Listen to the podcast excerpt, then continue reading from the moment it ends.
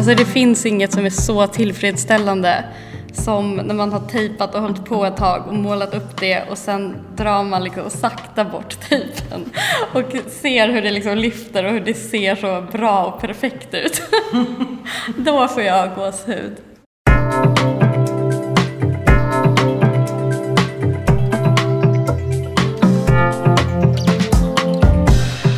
Hur arbetar konstnärer runt om i landet med grafik idag?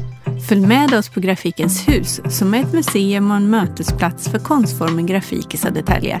När vi nu fortsätter vår poddserie där två konstnärer från olika generationer pratar om relationen till grafik, beröringspunkter och frågeställningar som ryms inom deras konstnärskap. I detta avsnitt lyssnar vi till ett samtal mellan konstnärerna Anna Pajak och Mari Rantanen. Det här är Grafikens hus podcast och jag heter Anna Henriksson.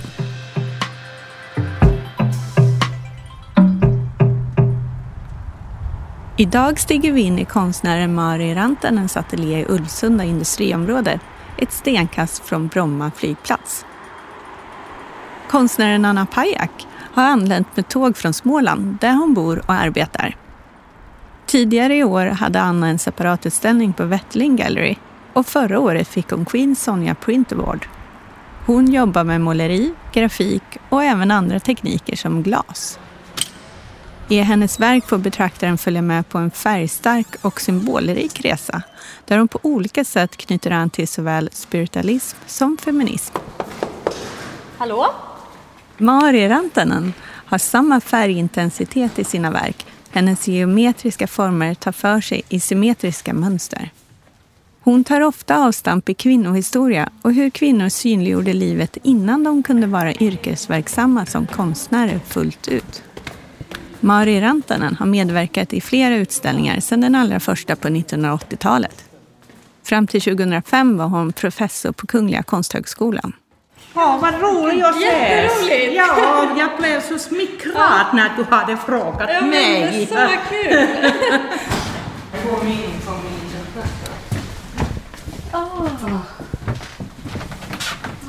Så jag är här. Uh, uh, det är ett delat ateljé. Jag har en ateljégranne på andra Ja. sidan. Mm, det här är min sida. Oj, underbar takhöjd. Ja, det har man. Jag har varit här. Vill ni ha en kaffe? Jag sitter här just och fikar. Jag tar jättegärna en Ja, kaffe. ja, jag tänkte cappuccino eller eh, espresso? Cappuccino, och vilken tröja, Nej, Jag klädde mig efter din konst tänkte jag. Ja, eller efter din egen konst. ja det också.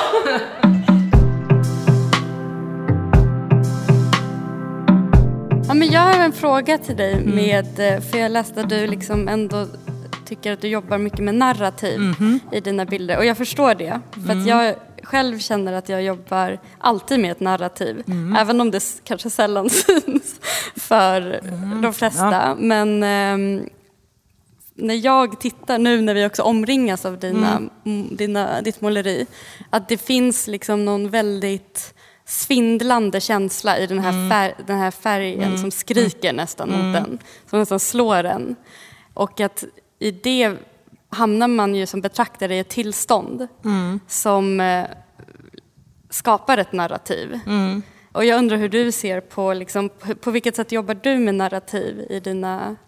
Jo, men det är ju självklart som du säger, liksom att färgens uh, uttryckskraft är Ja. ju liksom en av de eh, viktiga elementen. Jag, jag, jag, jag tänker ofta så att färgen bär känslan. Att det är liksom den känslomässiga, det är liksom det som um, um, bestämmer stämningen. Och så formerna för mig är mera liksom den intellektuella processen. Att jag, jag börjar med att jag jobbar med formerna. Man kan nästan klassiskt säga att jag gör en, en komposition. Att jag börjar med formerna och så eh, bestämmer vilka typer av former, vilka typer av uh, mönsterfälten, liksom hur jag placerar dem. Och så när jag målar så jag, in, jag, jag, jag sällan liksom ändrar formens placeringarna men jag kan ändra färgen väldigt många Ja. gånger innan jag liksom får den här eh, Ja. ljuset som jag är efter. Och Ja. ljuset är liksom nästan synonym till stämning, Ja. tycker jag. För Men- jag tycker att de, de har liksom någonting, vid första anblick så är de väldigt glada. Man blir Mm. Ja. Mm. liksom överväldigad av dem. Men sen tycker jag att det finns ett obehag i det. Mm. Som är liksom nästan det här panik, eh, Mm. det är liksom så intensivt att det övergår till något lite Mm. obehagligt. Ja, jag jag är väldigt glad om du, om du upplever det så, för det är ju delvis det som jag tror att jag är efter. Att jag gillar liksom, eller jag upple, upplever att livet är samtidigt någonting som är väldigt vackert Ja. och fint och någonting som man vill liksom ta och njuta. Men den där andra mera kaotiska och skrämmande delen. Det är inte så att jag letar efter någon balans, Nej. utan jag försöker liksom visa att de både Den ambivalensen finns. Exakt, Ja. ja. Den existensen och kanske också liksom lite så att jag min önskan är att jag skulle kunna göra bilder som är icke auktoritäriska. Att de liksom mera frågar Ja. och ger plats Ja. än att bestämma någonting. Och det är kanske där som jag tänker om det där narrativa också. Ja. Vilket jag tycker att i dina bilder är väldigt för mig väldigt dylig. För jag, jag ser inte dina målningar eller dina grafiska blad som, som eh, geometriska former Nej. eller som... eh, För jag ser dem väldigt mycket som symboler och världar eh, som man kan liksom gå in. Att, mm, jag ser att du använder vissa element och bygga den här rumsligheten och den där eh, världen där man kan som betraktare existera. Det fanns liksom en sån här stark mystik i dina verk och också någonting som jag kan liksom vara lite avundsjuk är att, att, att du verkar vara så fri och kasta in allt möjligt. Lite för att du har liksom inte liksom begränsningarna och, och då, då bjuder du också betraktaren överraskningar. Ja, vilket jag tycker är helt höra. fantastiskt. Att, liksom, att, att jag har liksom inte ens tänkt att de här Nej. sakerna kan existera Samtidigt. samtidigt. Och så Men jag blir tror att för mig handlar det om, eller jag känner igen mig väldigt mycket när du pratar om det här om du pratar om det existentiella, alltså att det här kaoset finns men så finns det här andra. Och eh, att det får samma existera i samma bildvärld. Exakt. Och jag tror att jag kanske kallar det för något annat, mina geometriska former som man kan se dem, är för mig någon slags motsättning till kaoset. Men jag kanske kallar kaoset det här fallet som vi pratade Ja. om. Eller liksom att det är ett typ av fall människan befinner sig i konstant. Och att vi, där har vi ingen kontroll. Och jag tror att jag försöker väva, eller fläta samman liksom, fallet då, eller kaoset, eh, hur man nu vill kalla det, tillsammans med det andra. Och då blir det liksom en... Och jag, det är det jag tänker att du också har i din, i din bildvärld. Det här liksom på ett sätt jättestrukturerade Ja. i ditt måleri. Som jag också har, som jag liksom behöver på något sätt för mig själv. Ehm, och sen så möter det det andra som är liksom något myller av vare sig det är färg, mönster eller liksom ytor.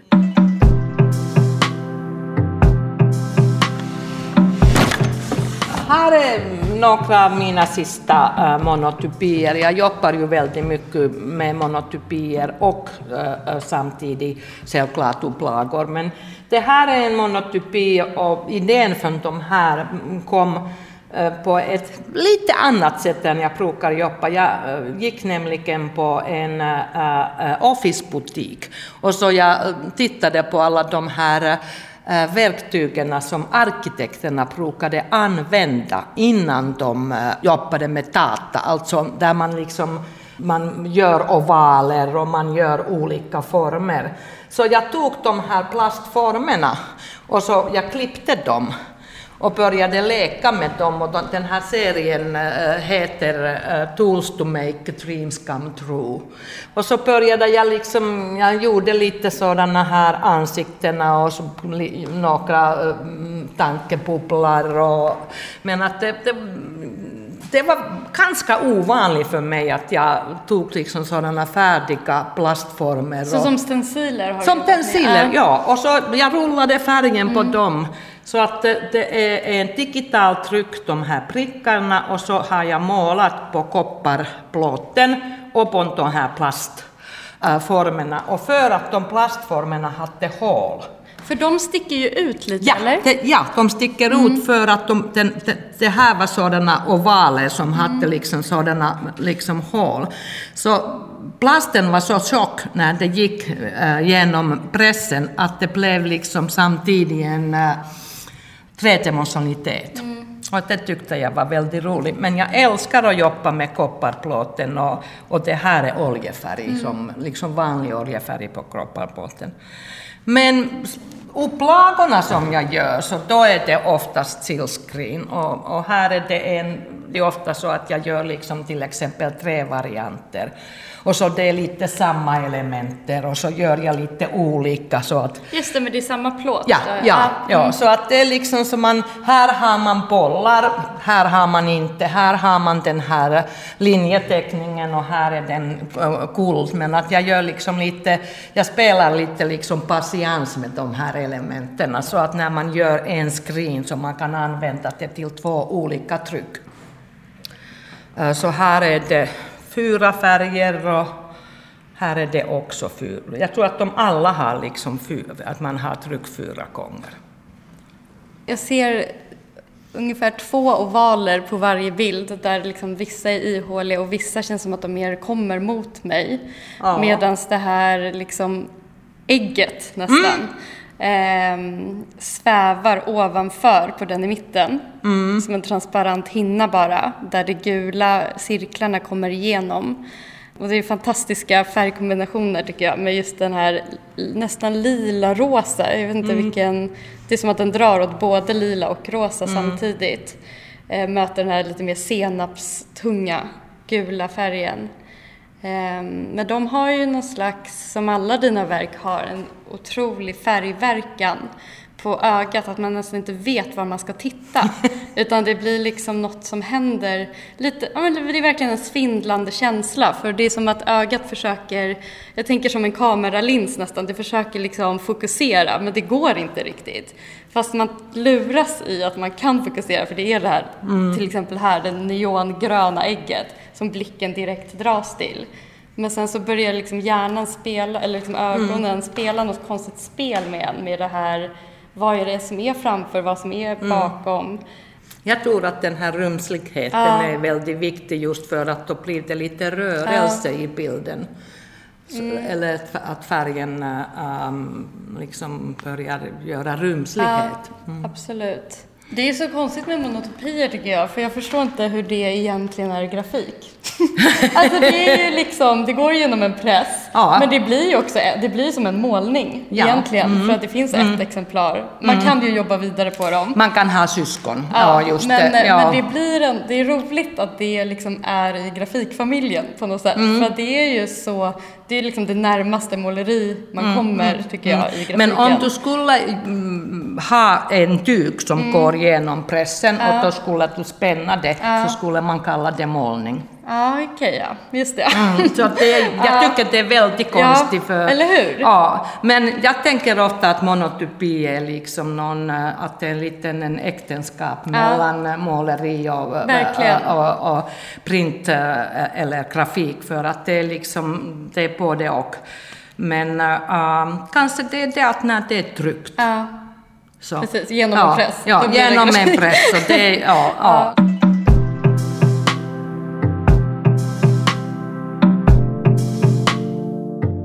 Men jag tror att det är lite samma för mig som när du pratar om att vissa grejer kan man göra i grafik, vissa grejer kan man göra i måleri och vissa grejer orkar man inte göra i måleri eller mm. vill inte göra i måleri mm. eller har aldrig gjort och därför inte tänker att man kan. Ehm, och då när man gör det i ett grafiskt verk för mig så kan jag ibland börja tänka att så här, ja, men det här var det spännande att ta in i måleriet.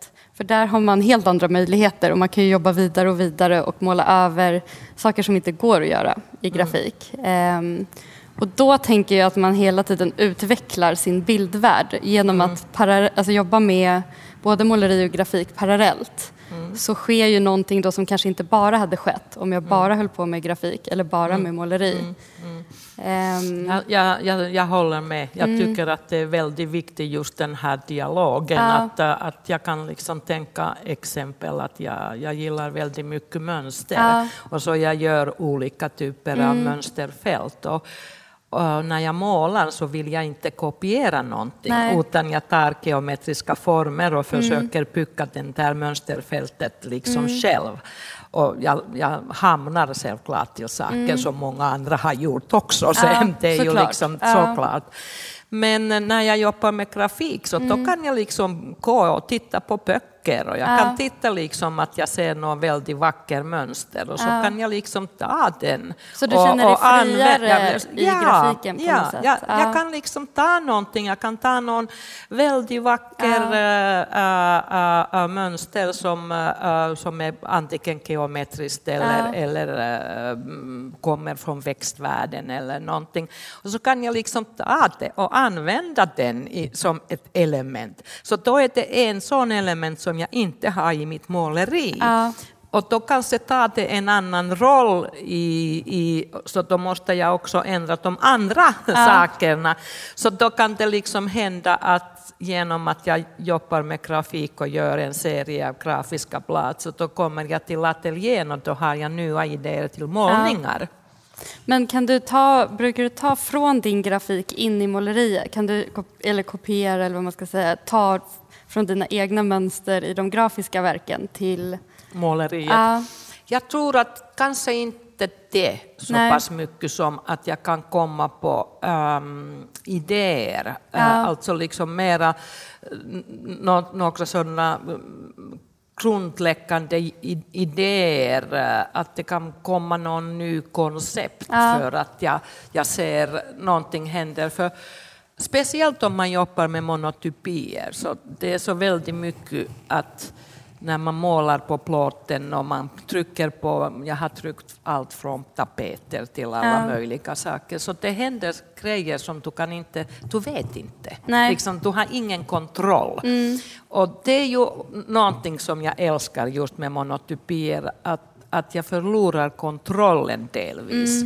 Att jag vet inte exakt hur färgen när det trycks och hur transparent är den. Och liksom, självklart man har en aning, men det kan bli överraskningarna och de här överraskningarna kan också bli att det som kanske har gått fel Ja. blir själva grejen som man vill då jobba vidare. Alltså att, att eh, slumpen Ja. kan bli mycket viktigare. För det är så lätt att pröva, även Ja. innan en upplaga trycks. Så Det är så lätt att pröva olika färger. Ska det vara den eller den eller ska jag lägga en till, någon form till? Så det, på, på ett sätt tycker jag att, att det blir eh, lättare att utveckla olika variationer än i måleriet. Jag tror att jag, liksom, när jag har jobbat med grafik så har jag ofta känt mig missnöjd. När allt är liksom klart så känner jag att det här blev inte alls som jag hade tänkt mig. Och så tar det kanske jag inte, en månad då jag inte ser det här verket. Och sen kollar jag och tänker så här, wow, vad häftigt det blev. Jaha, så här skulle jag aldrig göra egentligen. Ja. Eh, just för att det är, det är ju ett jättekontrollerat sätt att arbeta på. Samtidigt som det inte blir som jag har tänkt mig. Kanske för att jag inte spenderat liksom tillräckligt mycket tid med, eller i verkstäder. Men jag tror också att det har att göra någonting med att det är ett nytt medium för mig på ett sätt. Och att i måleriet kan man ju jobba på verket, det kan man väl i grafik också, men tills det liksom Tills det känns helt rätt. Och, tills, och du kan liksom alltid lägga över. Men där när du väl har satt en färg och så sätter du nästa över, då har du dem. Och då måste Ja. du liksom hela tiden utgå från det. Ehm, så jag tror att jag ofta blir liksom... Ja, men I början känner jag ofta att så här, men det här var inte alls vad jag tänkte. Och det är kanske det du pratar om, de här överraskningarna. Eller slumpen Just. eller Ja. som gör att jag känner att jag inte har haft kontroll. eh, Och det kan ju vara väldigt frustrerande tycker jag. Ja. Samtidigt som man får någonting utav Ja, det senare ja. i Men- processen. Jag tror att eh, när du har jobbat med grafiken 10-15 år Ja. så då händer det att du kommer också ha en kontroll på Mm. högre eh, sätt. För kontrollen kommer ju om Självklart, erfarenheten, det att man har gjort väldigt många gånger vissa saker. Så då, då, då liksom man har en minne någonstans i ryggen s- som Ja. liksom säger att om en, det är alldeles för grönt att trycka över den där. Och s- liksom man bara, Sånt som ja. man vet, som Ja. jag vet i måleriet. Jag vet Ja, exakt, exakt. Liksom, Ja. vilken grad av transparens jag vill Ja. ha eller vilken Ja. liksom, valör Ja. som funkar med den här Ja. lila och den här gröna. Ja. Men det är sånt som jag inte... Det är också olika för de här tryckfärgerna ser ju inte ut som Nej. det blir sen. Eh, och det tänker jag också är en materialkunskap. Som man, det är ju enda sättet att få den är att jobba mer. Exakt. Ehm. ja. Och därför tycker jag att det, det är så Ja. väldigt viktigt att man kan under sin utbildning också pröva sådana här saker. Så som, som sagt, jag trycker inte själv, jag jobbar Nej. med en tryckare. Men jag har lärt mig någon gång i livet, så jag har en känsla liksom vad jag kan kräva. Ja. Liksom vad, Ja. också, och vad jag kan nå. Och, Ja. och, och, så att man har liksom den här... ehm, jag, jag vill ha min egen hand någonstans Ja. där, även om jag har någon som hjälper Mm. mig. Jag väver inte min egen tyg heller, så Nej. att eh, man liksom använder eh, olika kunskaper och olika saker eh, för att nå någonting. Mm. Men jag tycker att det där att man, man ger en del av sin kontroll till den där maskinen. Är det nu press eller är det skrintryck? Eller Mm. så, för, för det händer någonting där som du kan inte kontrollera på samma sätt som om du målar. Ja. Och det är lite roligt för då Ja. det, jag vill så gärna överraska mig själv när jag Mm. jobbar. Men om man har målat 45 år Ja. så det börjar bli lite svårt att överraska. Så, att det, så man letar efter olika sätt att arbeta så att man kan liksom för man, man vill liksom nya någonting, man vill komma på någonting som ser lite annorlunda ut. Och man vill, vill äh, delvis just att jobba med grafik och jobba med papper som suger färgen på ett annat sätt. Än när du målar så du lägger hela tiden liksom från tyget mot dig. Men i speciellt koppargrafiken så det går ju in i pappret så det blir en helt annan ljuskraft Ja. eh, och helt annan ljus. Och då, från där kommer andra tankar. M- Hur materialet ser ut har ju så väldigt mycket att göra med den känslan man får. Vad är liksom den emotionella kraften eh, som man har i bilder. Och du jobbar också med serier lite grann, eller Ja. hur? Att du har liksom vissa elementer och så målar du dem lite olika sätt. Och jag, jag, också i grafiken, jag såg att du hade gjort sådana. Handfärgade... Ja, det var ju faktiskt jättekul. Då gjorde jag bara eh, i koppar, liksom en kopparteckning, Ja. eh, svartvit och tryckte Ja. dem och sen så fyllde jag i dem med flytande tusch. Och då gjorde jag en serie på liksom fem av varje sån bild. Eh, och det var ju, det var faktiskt när jag var i Tyskland och satt i karantän. så min partner fick trycka dem åt mig och så satt jag hemma och bara fär- färglagde dem. det var lite som en sån här, vet du, det, kol, eh, sån här bok som man hade när man var liten när man fyllde Ja, i. ja, ja, en sån här... Ja, just Och det var ja. så fantastiskt för att jag gör ju, mitt måleri är väldigt oplanerat. Ja. Det kanske man inte tror, men jag skissar aldrig. Jag tycker det är så tråkigt. Jag är så. Mm. rastlös så jag vill bara göra liksom. Och där var ett sätt för mig att verkligen prova. Då hade jag liksom fem exemplar av en svartvit tryckt liksom, bild. Men då provade jag liksom alla olika nyanser på- de olika ytorna. Och det var ju också ett jättebra sätt för mig att lära mig om färg igen och upptäcka nya kombinationer. Ehm, Jag börjar sällan, jag tänker inte så här, nu ska jag göra en serie Nej. med de här blommorna som jag har målat eller Ja. med de här cirklarna eller utan det blir bara så och så efter ett tag så ser man så här, ah, men det här motivet följer med i nästa målning eller i nästa grafik, liksom verk. Och eh, det, är liksom, det följer med en tills man känner sig klar. Exakt. Och då lämnar man det bara. Alltså jag kan verkligen bli trött på, det är liksom vissa element som följer med under ganska långa perioder. Och det blir ju en naturlig serie då att visa ihop. Ja, jag, jag tror att jag aldrig tänkte heller liksom att jag ska göra serier. Nej. Och så, som sagt, jag ofta börjar, Ja. liksom, jag kan börja tre, fem målningarna samtidigt och så tänker jag liksom. Mm. att jag jobbar med den här tematiken. Ah, ah, ah, ah, men, men då kan det liksom bli mindre eller mera. Men att det, det, det handlar om att jag, jag, jag har ofta någon koncept. Jag har ofta någon berättelse Ja. som jag eh, försöker eh, uttrycka. Men Eh, finns berättelsen där innan, innan du börjar måla eller växer den samtidigt som både målningarna? och. Ja, både vissa, och. vissa gånger Ja. Mm. kan det vara någon riktig, liksom en sån här upplevelse som till exempel jag gjorde en serie målningarna som jag visade i Millersgården äh, äh, som hade sådana ähm, äh, fasader som liknar kyrkor eller ähm, moskéer. Och, och den, den serien började med det att med två saker. A, jag visste att jag ska ställa ut i Millersgården om de har en jättelång vägg. Så jag tänkte liksom, vad kan man ha i den väggen? Men då var jag med elever i Indien och så såg jag liksom solnedgången i Taj Mahal. Ja. Och den här väldigt stora byggnaden kändes som den skulle sväva i luften. Så det var liksom en sån här utan uh, kroppen uh, uh, känsla. Att jag liksom tänkte liksom att det är jag här. Det blev liksom väldigt... Och den vita byggnaden reflekterade alla de här fantastiska färger som solnedgången. Och så tänkte jag att ja, men jag ska måla den, Ja. den känslan. Den upplevelsen. Ja, Ja. den upplevelsen. Men det kan också vara sådana saker att jag ser någonting, att jag ser liksom någon eh, form som jag tycker är intressant. Och att eh, när jag letade efter lägenheter så blev jag väldigt intresserad av lägenhetsritningarna och hur de ser ut. Och Det är ju geometriska former, så då började jag leka med det. Så det började liksom från en helt annan plats. Liksom.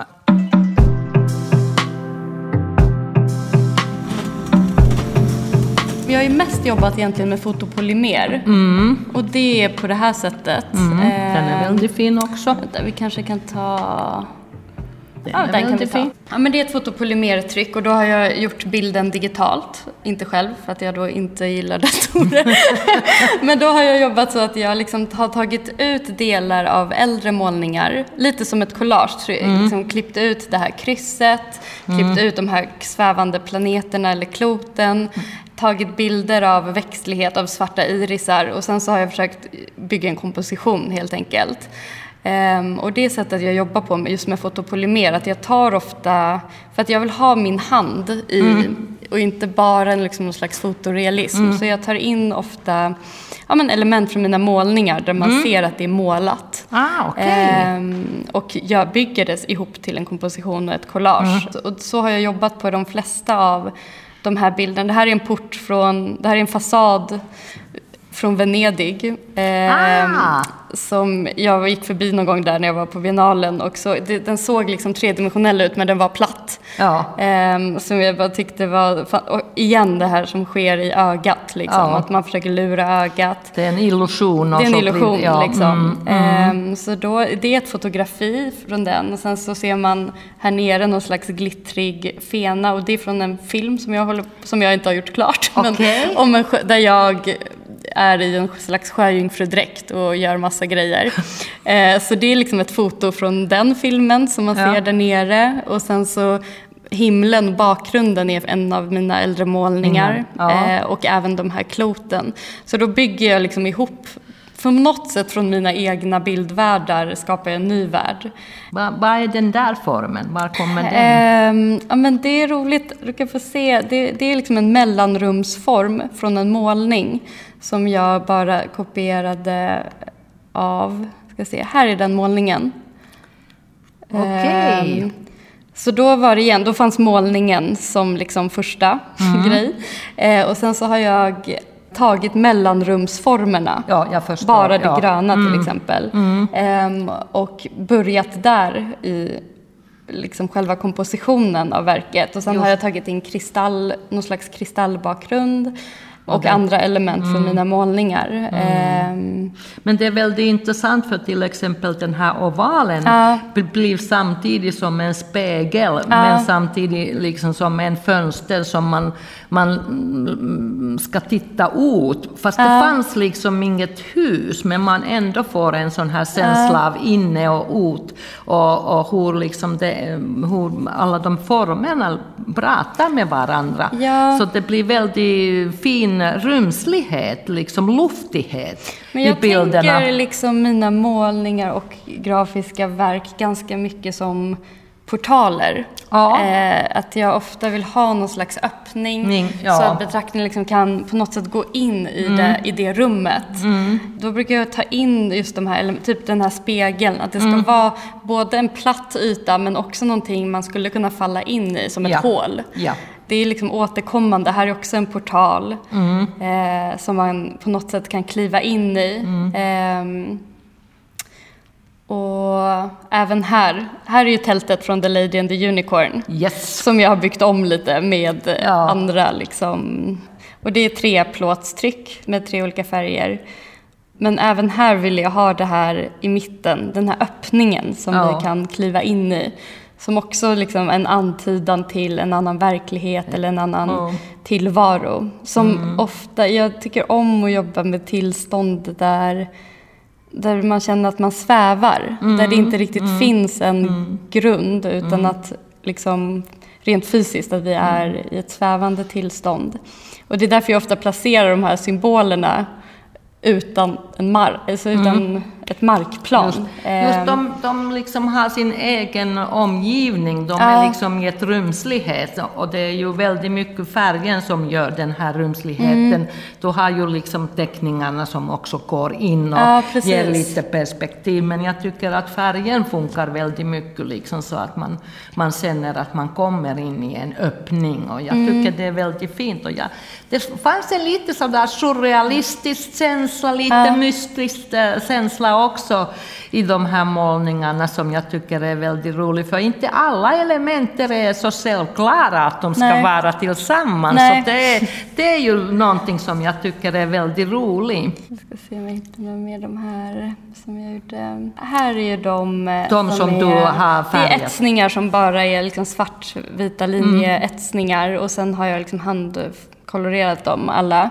Och även här var det som att här gjorde jag liksom grafiken, sen så gjorde jag till min senaste utställning målningar baserade på den här grafiken. Men hade även grafiken med i utställningen. Och då var det liksom många element som kom in som jag kanske inte hade gjort om jag inte hade gjort de här verken. Just, Ehm, ja.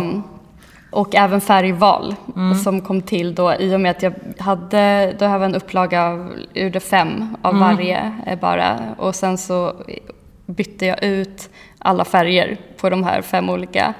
Och det var ju ett sätt att arbeta sig fram till färgerna på ett sätt genom att prova. Men kolorerade du alla fem själv? Ja.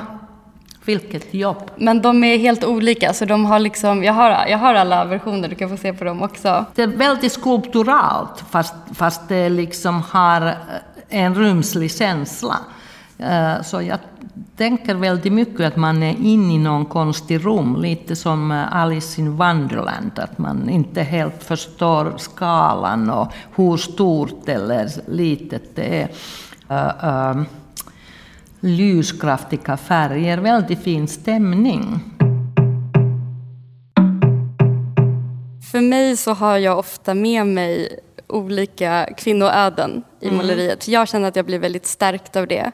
Och jag tror att jag under min tid på Konsthögskolan så tänkte jag väldigt mycket på att man inte får likna någon annan. Alltså man får inte Okej. liksom, jag ska försöka hitta vem är jag i måleriet. Vad, är liksom, vad, vad kan jag komma med?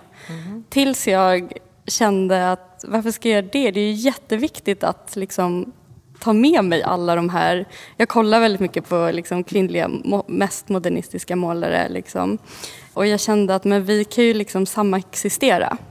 Och I mitt examensprojekt så gjorde jag ett projekt där jag målade i Hilma af Klints format eh, och försökte ta kontakt med henne eh, genom en annan konstnär och började snarare närma mig och försöka liksom förstå hennes måleri och genom det förstå mitt måleri. Och det var ett väldigt spännande sätt att arbeta på och det sen tog jag med mig. Efteråt så gjorde jag en utställning med, där jag tänkte väldigt mycket på Georgia O'Keeffes den här svarta irisen. Och den dyker upp i ganska mycket av mina målningar. Och på det sättet tänker jag att jag liksom försöker knyta an till dels till liksom målerihistorien och faktiskt fördjupa mig snarare i andra kvinnor som jag tycker är stärkande och inspirerande, inte bara som konstnär men också som människor. Och snarare bjuda in dem i mitt konstnärskap. För det blir ju inte samma ändå. Nej, Eh. jag, jag tror att det där äh, ähm, att man ska inte likna Nej. någon annan, att det fanns också någon sån här äh, maskulin tanke där Ja. om den här konstnären som en geni. Precis. Mm. En ensamma geni, vilket självklart är inte sant, Nej. för ingen jobbar i Nej. vakuum och ensam. Och mm, jag gick igenom mm, kanske likadan process i ehm, 80-talet när postmodernismen kom. För det hade varit så, en sån tid där allt var liksom, alla saker var så städat i sina egna äh, lilla rutor. Antingen var det stricka linjer eller färgen rinner, men inte tillsammans. Liksom en sån här eh, och så var det också liksom den konsten som man tittade var väldigt manlig konst. Så att, jag hade en lång resa att hitta de här kvinnliga eh, förebilder. Och självklart, jag hittade det. Det fanns hur många som helst, från Sonja Delany till Hilma af Klint till, och alla ryska äh, Popova och alla de äh, ryska konkretister. Och, men för mig var det i början väldigt mycket att för att kunna existera i konstvärlden behövde jag vara en bra kille. Och innan jag liksom förstod att, att det är viktigt att, att man kan ta fram det som är viktigt för mig. Är det, kommer det från någon kvinnlig författare eller, eller äh, om äh, folk säger att Åh, dina målningar har mönster som Marimekko. Så jag tar det liksom som en heder, inte som en negativ. För varför ska det vara mindre värd? Det är fantastiska kvinnor som har skapat fantastiska mönster som ger kläder för människornas hem. Varför kan den inte vara en del av eh, mitt konstnärskap? Det gör inte mig till en sämre eller bättre konstnär. Och om det är liksom mitt intresse. eh, eh, Och, bara för att kvinnorna har gjort livet synligt i hemmet betyder inte att det är mindre värt än det att männen har gjort livet synligt på något annat sätt. Så att det, det var en lång resa och det kom vid sådana punkter där jag försökte väldigt starkt eh, just uttrycka det, att jag är en kvinna och att, att eh, en del av mig är kvinnans historia. Jag kan inte liksom vara en bra kille och jag vill inte vara en bra Nej. kille utan jag vill vara en kvinna. Och så jag ofta gjorde sådana saker att jag tog den här modernistiska begreppet och krit, liksom det här rotmönstret och istället gjorde jag den som en pusselbitar. För min dotter lekte med pusselbitar. Och så jag tänkte liksom att här har man exakt samma strukturer. Istället att liksom försöka hela tiden tänka att, att de koncepterna är så heliga så försökte jag liksom se vart jag kan, liksom, var kan jag hitta sånt som är viktigt för, i mitt liv som kanske då passar in i mitt måleri. Jag tror inte att jag är så himla fri hela tiden i det heller, tyvärr. Att Jag tror att jag stoppar mig själv då och då. Liksom. Att jag, tar, jag kan ta de här pusselbitarna för den har den här strukturen. Men då har, har jag inte varit fri att göra någonting annat som jag kanske möjligen kommer göra någon gång i mitt Ja. liv. Men att eh, man är liksom en produkt av sitt tid Ja. och den, liksom den historien som man lever. Så att, att jag tänker att det, det är så helt fantastiskt eh, nu att jag kan liksom tänka att, att det fanns så många eh, otroligt viktiga, fina konstnärer. Att eh, Kusamas utställning är den mest sedda utställning i världen. Att det är inte bara Ansel Kiefer, utan vi har någon annan också som säger någonting annat. Att där tänker jag att att det ser så mycket bättre ut med möjligheterna för kvinnorna att utveckla sitt eget språk så som de vill att det ser ut. Ja. Inte så som någon annan, att det är inte någon annans värderingarna som säger att, eh, att eh, du kan inte Nej. göra så. så. Kommer ihåg en sån väldigt typisk diskussion från när jag undervisade. Så någon ele- elev säger att någon manlig kollega till mig hade sagt att eh, hennes målningarna är för sagolikliga. Och så jag sa, ja, men vadå? Vem säger att det är fel med sagor? Ja, precis. Jag har också att liksom samma... alltså, vems- jag tycker vems- att det är- Men där tycker jag att det finns då en styrka i om, om en vågar liksom om det är just sagor. Mm. För jag hade exakt samma känsla på, på Konsthögskolan. Mm. Att jag, det var till slut, under, jag tror att mitt sista år när jag skulle skriva en masteressä så hade jag en fantastisk lärare och eh, jag var liksom intresserad av häxkonst och hon, hon bara lyfte det och var så här, men det är exakt det här du kan skriva om. Mm. Och då var det som att hela, allting bara öppnade sig för mig och det blev liksom som en stor svindlande känsla. Och jag bara, just det, men jag får prata om det här. Det här är jätteviktigt. Eh, och att känna att det... Och samma sak när jag jobbade med det här Medusa skratt så var det också så att jag...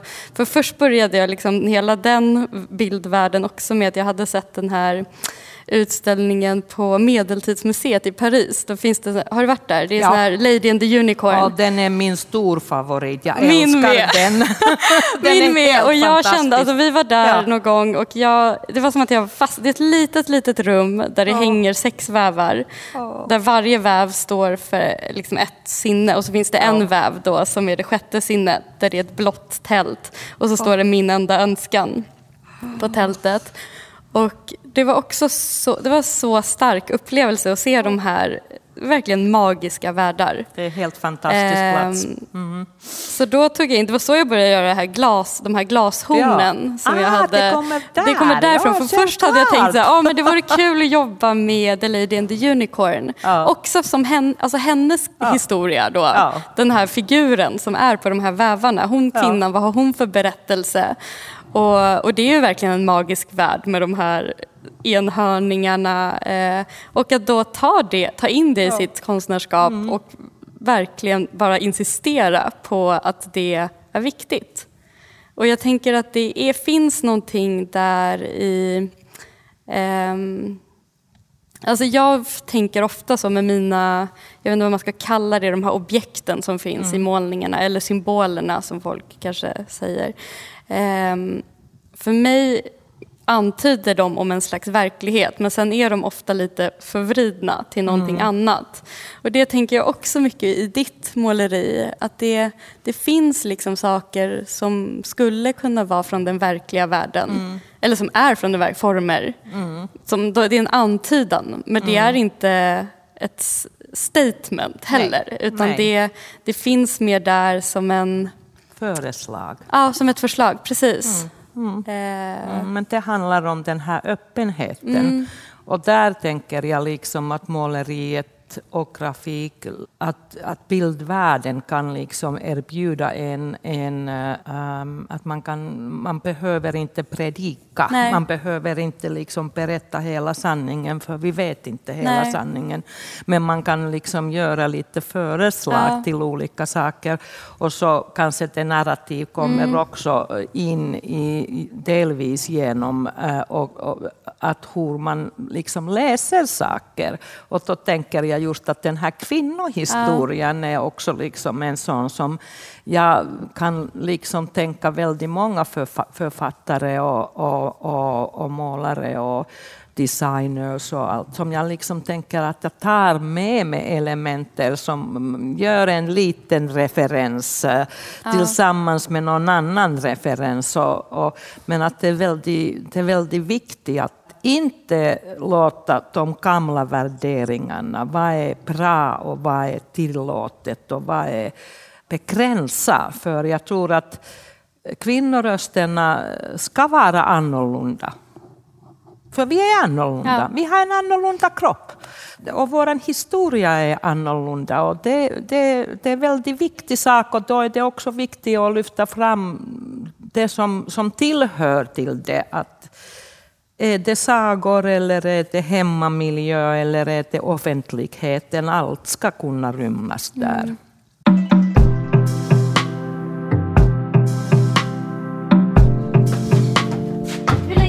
den här ateljén? Vet du vad jag flyttade hit 2001. Och var var du innan? Äh, Nacka. Ja. Så, så de, de är äh, alla skrintryck och de här är faktiskt de enda digitala trycken som jag har gjort. Mm.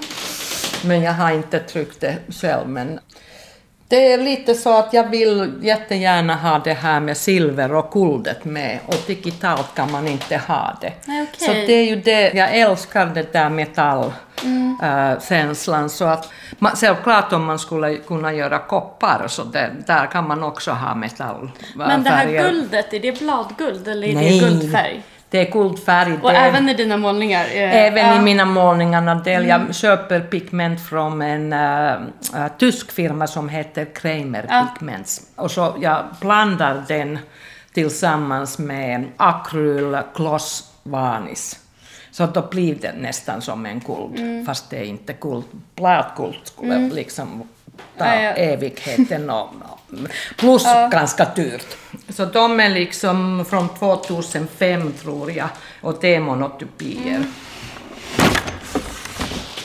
Här är kanske en av de första monotypierna som jag har gjort någon gång i livet. Den är ju otroligt dammig men sådana här gjorde jag någon gång i 90-talet. Mm. det är målat på och där fanns lite tapet. Då. Just det. De är ju väldigt annorlunda från väldigt, vad du är ja, idag. Ja, det var länge sedan. Och, och... Men mönstren finns kvar på något sätt och det, ja. det grafiska finns men som sagt, de här är äh, vad det är, 94 och den ja. där är säkert... Äh, någonstans måste det vara namnteckning. Nej. Ja, men någonting, någonting 90. Så det var väldigt... Kul att se att du har ändå verkligen spårat ur med färg nu. Ja. Från det här. Ja, ja, jo, jo, ja, ja, liksom, ja, ja, ja, det är ju... På ett uh, underbart sätt. Titlar är jätteviktiga för mm. mig. För att det ger, det kan liksom... Jag har också alltid ett narrativ när jag mm. jobbar mm. typ med en serie eller så. Mm. Och det, kan, det fungerar ganska mycket tror jag, så som du beskriver. Det kan vara Alltså min sista utställning, den som jag hade nu på, i våras på Vätterling, mm. som hette Medusas skratt, handlar om, det, det var, det, liksom, hela den processen var att jag läste en bok sommaren innan av Helene Cissou som mm. heter Medusas skratt. Då, mm. Mm. Som jag bara tog titeln rakt av. Eh, jag gör det också. Ja. eh, men då, alltså då tar jag den titeln. Den, hon skriver jättemycket om så ett icke-linjärt sätt att skriva på. Ja. Och jag tycker att hela min process är otroligt icke-linjär. Det kan vara mm. exakt sådär. Alltså man mm. ser någonting, man upplever någonting och sen så kopplar, man, kopplar ens hjärna ihop det. Mm. Och för mig själv känns det som ett jättestarkt narrativ. Ja. Eh, men det är ju bara, det är på ett sätt fragment från jag inte, en bok eller en egen mm. känsla eller en mm. visuell upplevelse mm. Mm. som sen knyts samman och då börjar det här narrativet växa. Och det blir som en historia. Så jag har också alltid, då under den tiden så tänkte jag mycket på Medusa som karaktär och vem hon var och jag byggde hela den utställningen. Jag tänkte mig att det var liksom hennes återkomst för att hon blev ju då mördad mördad och halshuggen. Och jag tänkte så här, men här kommer hon tillbaka. Och så såg jag mina målningar som hennes vapen mer. Eh, jag tror att jag behöver det narrativet i processen för att känna att jag inte börjar ifrågasätta. Eller att jag inte börjar bli eh, för låst och inte vågar ta in nya element i målningarna eller grafiken. Och att det, om man har en sån stark berättelse i sig som nästan blir påhittad. För jag, började inte, jag tänkte inte på den klassiska Medusa-historien utan jag liksom skapade en relation till henne själv kände jag. Där vi var liksom i någonting och försökte bygga hennes historia snarare än historien om henne. Då kände jag mig jättefri i måleriet. För då kopplar jag det till henne hela tiden. Eller till våra berättelser. Jag tycker om det sättet att arbeta på. Att man liksom tar fast vid någonting Ja. som eh, känns kan- viktigt. Mm, Liksom. Man kan säga att det är konceptet. Ja, precis.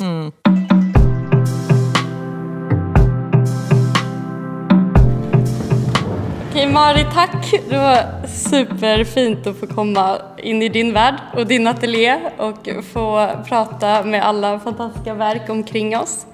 Och jag tycker det har varit jättekul att jag tycker att vi har samma tankebanor men de tar sig uttryck på olika sätt. Och det är väldigt fint att få eh, gå in i dina tankebanor. Väldigt roligt att du äh, tog initiativet för det här har varit väldigt inspirerande att prata med dig. Känner mig väldigt hemma med dina tankar även om vi är två olika personer men vi delar en del saker som, äh, som var väldigt intressant. Jag har lärt mig mycket, väldigt intressant att prata med dig. Väldigt, väldigt fint.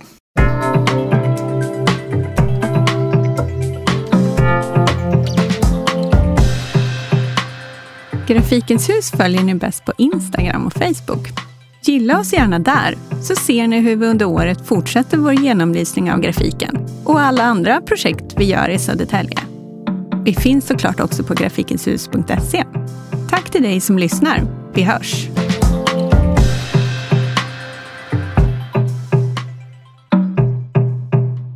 Det här programmet görs på Beppo. Beppo. Beppo. Beppo.se